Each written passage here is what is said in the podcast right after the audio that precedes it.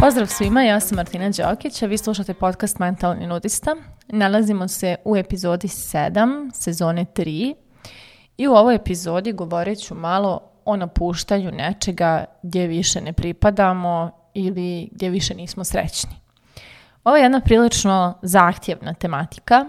i verujem da ste svi vi nekad morali da odete iz nekog odnosa i sa nekog, iz nekog sistema, bilo poslovnog, bilo društvenog, kojem više ne pripadate i sigurna sam da i znate koliko su to teške odluke i zahtjevne. Pa sam odlučila da malo kroz ovaj podcast objasnim šta te odluke čini teškima, a šta se dešava kada ih ne sprovedemo i u stvari kako da ih lakše sprovedemo kako, kako da se orijentišemo ka ispravnoj odluci na neki način. I sad, um, ono što otežava odlazak iz nečega gdje više ne pripadamo, bilo da je to neki posao koji je nekad bio posao naših snova, a sada prosto osjećamo da to više nije to, bilo da je to neka veza u koju smo uložili godine, puno energije, ljubavi, povjerenja i svega, ali sada vidimo i osjećamo da nam to više ne donosi ni osjećaj ispunjenosti, ni osjećaj zadovoljstva, ni, ni, prosto nismo više, ne osjećamo se shvaćeno u tom odnosu, niti se osjećamo kao da prosto imamo neku konekciju. Bilo da je to neki kontekst društveni, na primjer ako smo odlazili iz svog mjesta ili ako smo čak i u prijateljstvu odlazili iz nekih odnosa, sve to nosi ogromnu težinu zato što prije svega uh, naš mozak ne voli odlazak u nepoznato. Znači, pričali smo o tome puno puta u ovom podcastu. Naš mozak jako e, teži to da ostane u provjerenom i bezbjednom i za njega je ogromno mučenje i patnja izložiti ga nečemu što je neizvjesno i što nismo sigurni šta nas čeka. A kada napuštamo nešto gdje više ne pripadamo, uglavnom to novo što dolazi je potpuno novo i apsolutno je nepoznato i samim tim cijelo naše biće se bori protiv toga, odnosno naš mozak, ne biće, pardon. Cijeli naš mozak se bori protiv toga da Uh, ne, da prosto ne bude uh, doveden u tu situaciju. S druge strane, uh, ako ignorišemo tu potrebu, tu istinu zapravo koja se desila, to je da više ne pripadamo tu negdje gdje smo, mi počinjemo ozbiljno da narušavamo svoje zdravlje, a boga mi da narušavamo neku, neki svoj integritet i neke svoje vrijednosti, odnosno počinjemo da budemo nešto neka verzija sebe koja nije baš najistinitija. I, na primer, ja sam puno puta otišla iz nekih kontekast, kontekasta ili konteksta, konteksta u kojima nisam više pripadala i e, napustila sam fakultet koji nije bio po meni, napustila sam porodicu koja nije bila u skladu sa mojom idejom porodice, pa smo, sam ju se vratila kad smo na, našli način da budemo to napustila sam vezu u kojoj sam bila godinama i mislila da će to biti za cijeli život. Napuštala sam poslove u kojima sam spoznavala da to nije nešto što me ispunjava. Tako da sam, a napuštala sam, da, napuštala sam i neke ideje i ciljeve koje sam mislila da će isto biti za cijeli život, ali na kraju nisu. Tako da puno puta u životu sam nešto napustila i nijednom nije bilo lako e, svaki od tih nekih napuštanja i odlazaka je bio težak, ali ono što je činilo ostanak u tome još težim, znači ideju ostanka još težom je to što sam se pretvarala u osobu koja mi se ne dopada da budem. I daću vam primjer moje veze sa jednim predivnim momkom kog i dan danas jako volim i poštujem. E, ja sam s njim živela godinama i imali smo jako lijepu vezu, zasnovanom na povjerenju, poštovanju, jako puno ljubavi je bilo između nas. I e, prosto u nekom trenutku smo se malo razišli u nekim idejama života ili budućnosti ili rasta ili načina kako, kako se šta privazilazi i tako dalje. Prosto bili smo mi mladi dosta, sad iz ove perspektive, ali bili smo jako e, neusklađeni za neke dalje ideje života. I uh, ono što se dešavalo, mi smo se, mislim, prosto ta veza je pucala, ono, neko vrijeme je pucala i, i bilo je jasno da ne funkcioniše, ali smo pokušavali nekako da je spasimo i pokušavali smo nekako da ostanemo zajedno, iako je postajalo sve više mučno nego što je postajalo, nego što je bilo dobrih stvari, ali tako to kada ste u nekoj dugoj vezi, onda se uvijek sjećate kako je nekad bilo, pa se stalno, stalno mislite, e sad će vjerovatno opet tako da bude uskoro, ako se još malo i malo i malo potrudimo, a u stvari mi odavno nismo više ti isti ljudi. I tako smo i mi pokušavali da spasimo tu vezu, pogotovo jer smo zajedno imali dom, e, zajedno smo uzeli psa i nekako imali smo jako, da kažem, lijep dom. Uh, E, meni jako važan, moj prvi srećan dom. I uh, ja se sjećam da, mislim, to je bila osoba koju, ne znam da li sam ikad ikome pripadala na način na koji sam pripadala toj vezi i koliko sam znala da je ta osoba moja osoba šta god. Znači nije postojala ovo zemaljska stvar koja može meni da ugrozi taj osjećaj koliko je ta osoba moja osoba. I toliko, eto, toliko, tolika je konekcija između nas postojala, međutim ta konekcija je, jeli, pucala sve više.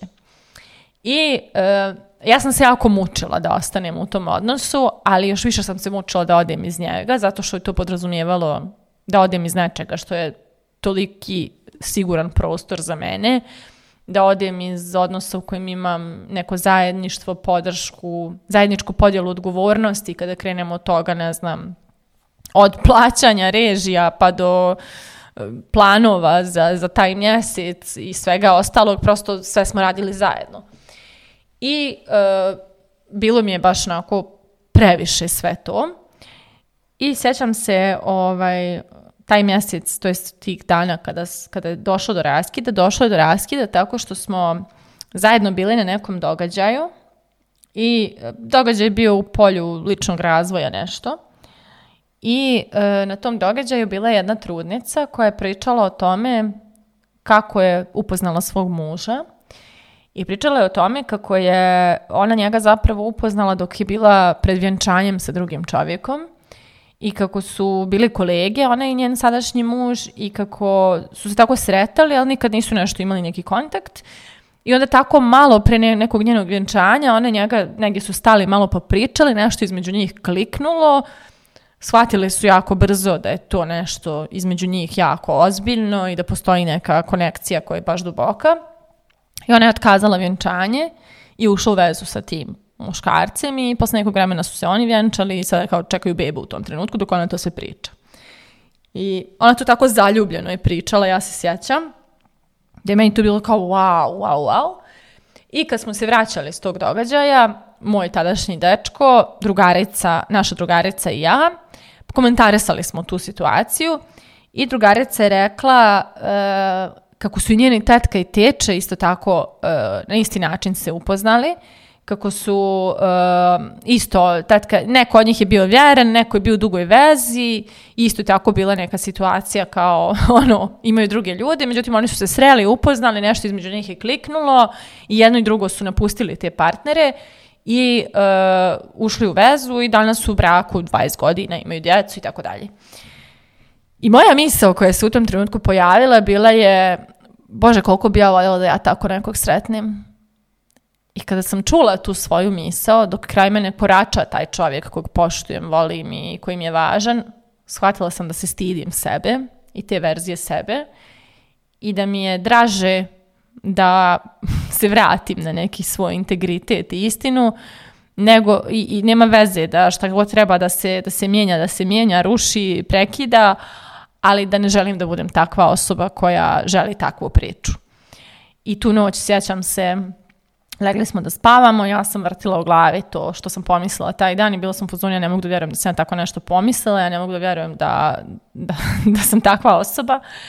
I onda sam shvatila da je naša veza gotova i da ćemo mi stvarno da, da završimo tu vezu.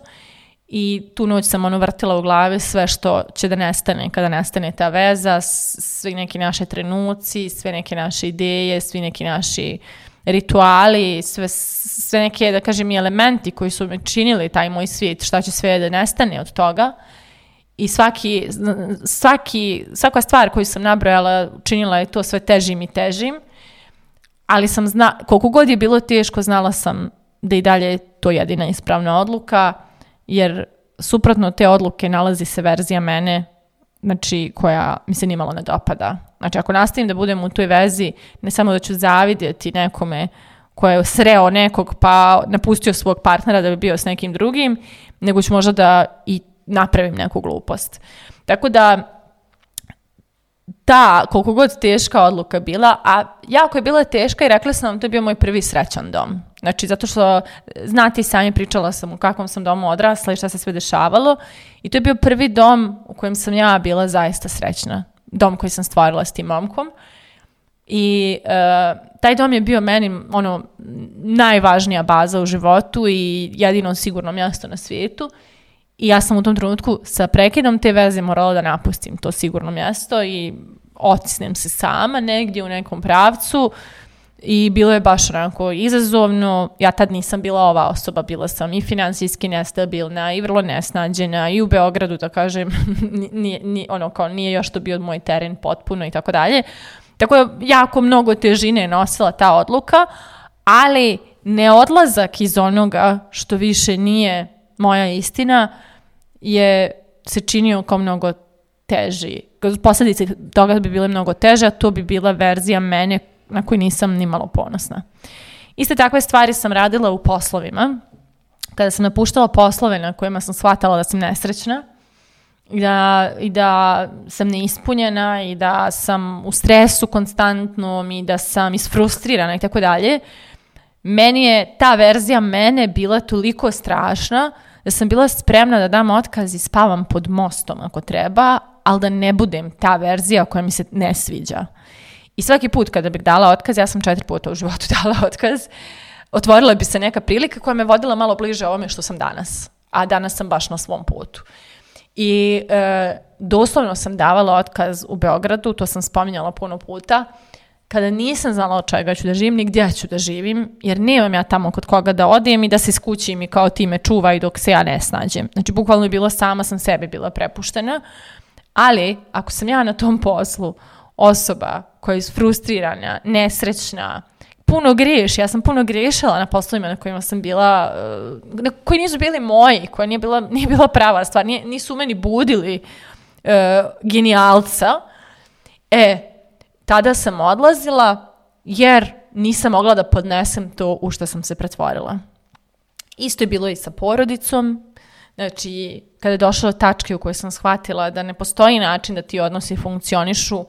a da moje sve granice ne budu prekršene, ja sam shvatila da ne mogu da nastavim da rastem ako ću da dozvolim